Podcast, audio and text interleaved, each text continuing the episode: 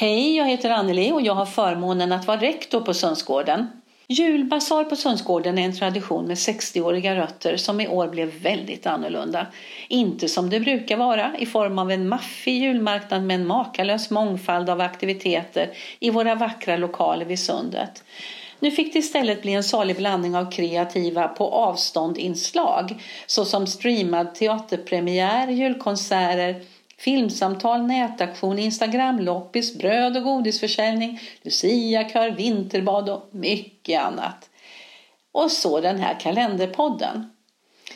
På folkhögskolan har vi varje år ett läsårstema. Årets tema är rörelse. Min berättelse får därför handla om en rörelse som präglat mig från barndomen och livet igenom. En rörelse som startat sin betydelsefulla verksamhet i fattigkvarteren i Londons East End 1865. Det var en pastor från metodistkyrkan, William Booth, och hans fru Catherine som inte stod ut vid tanken att det inte fanns plats för fattiga och utslagna i kyrkan. De människorna ansågs inte passa in och avvisades vid dörren. Fattigdomen ledde till hemlöshet som ledde till tiggeri, kriminalitet och människohandel i form av bland annat barnarbete och prostitution.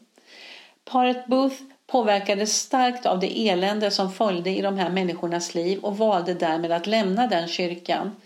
De startade inte någon ny kyrka. Det kristna livets praktiska konsekvenser pågick för dem och deras soldater istället på gatan, på krogar och i människors hem. De startade en rörelse, en räddningsarmé som senare skulle bli världsvid. Etablissemanget i London uppskattade förstås inte denna rörelses insats alla gånger då det ofta ledde till att avslöja dem som utnyttjade människors utsatthet för egen vinning. Frälsningsarmén finns idag i 129 länder och jobbar utifrån de behov som finns i respektive land. Låt mig få dela en berättelse om en sån insats. På 1890-talet såg Frälsningsarméns folk i England att det fanns kvinnor och barn som arbetade 16 timmar om dagen utan matrast. De tillverkade tändsticksaskar. Dessa hårt arbetande kvinnor och barn var i mycket dålig kondition och var kraftigt underbetalda. Askarna hade plån med gul fosfor. Det här tillverkningssättet orsakade vad man kallade fosforkäke. Den gula fosforn som är starkt giftig fyllde luften i fabrikslokalen och gick in i kroppen på arbetarna. Den gav kraftig smärta och förstörde käkbenet som ruttnade. Det ledde även till många dödsfall. Därför öppnade Frälsningsarmén 1891 en egen ren och luftig tändsticksfabrik där man hade bytt ut den farliga gula fosforn mot röd. Tändsticksaskarna som tillverkades här gav inga skadeverkningar. De fick varumärket Lights in the Darkest England, ljus i mörkaste England.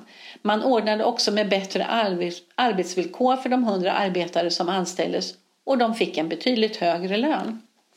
Samtidigt lanserade Frälsningsarmén en grupp som kallades British Match Consumer League, brittiska tändstickskonsumenter.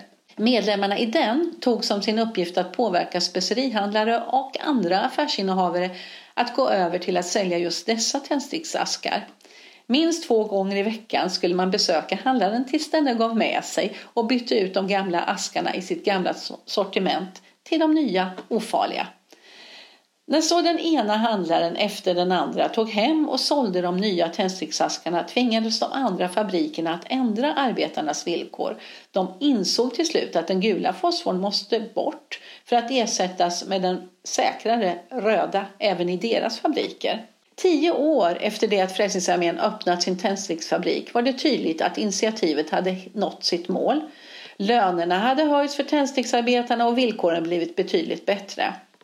William Booth lade därmed ner fabriken och gick vidare för att hitta andra sätt att hjälpa människor från fattigdom och andra svårigheter.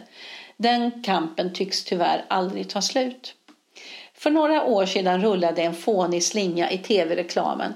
Alla har rätt till ett häftigt kök. Jag vet inte ja, om det skulle vara det viktigaste i livet.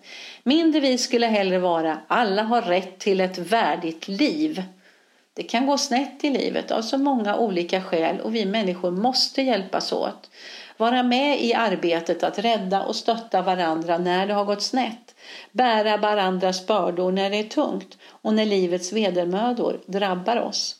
Många är de frivilligorganisationer och projekt som fått ekonomiskt stöd via Sundsgårdens julbasar genom tiderna. I år går de insamlade medlen oavkortat till kvinnojouren i Helsingborg. Nu när du lyssnat klart ger vi dig möjlighet att vara en del i det viktiga arbetet genom att swisha eller sätta, sätta in ett valfritt belopp på Sundsgårdens bankgirokonto. Uppgifter om det hittar du på vår hemsida under rubriken julbasar. Där hittar du även våra övriga julbasarsaktiviteter. Insamlingen pågår året ut. Varmt tack för ditt bidrag, litet som stort. Jag vill så avsluta med att önska dig en riktigt god och fridfull jul och samtidigt påminna om att från och med måndags så blir det inte mörkare än så här. För nu vänder det och vi går tillsammans mot ljusare tider. En gemensam rörelse mot ett gott nytt år då vi bekämpar pandemin och andra hot mot en värdig medmänsklighet på ett sätt som präglas av vars och ens personliga ansvar. Tack för att du lyssnade!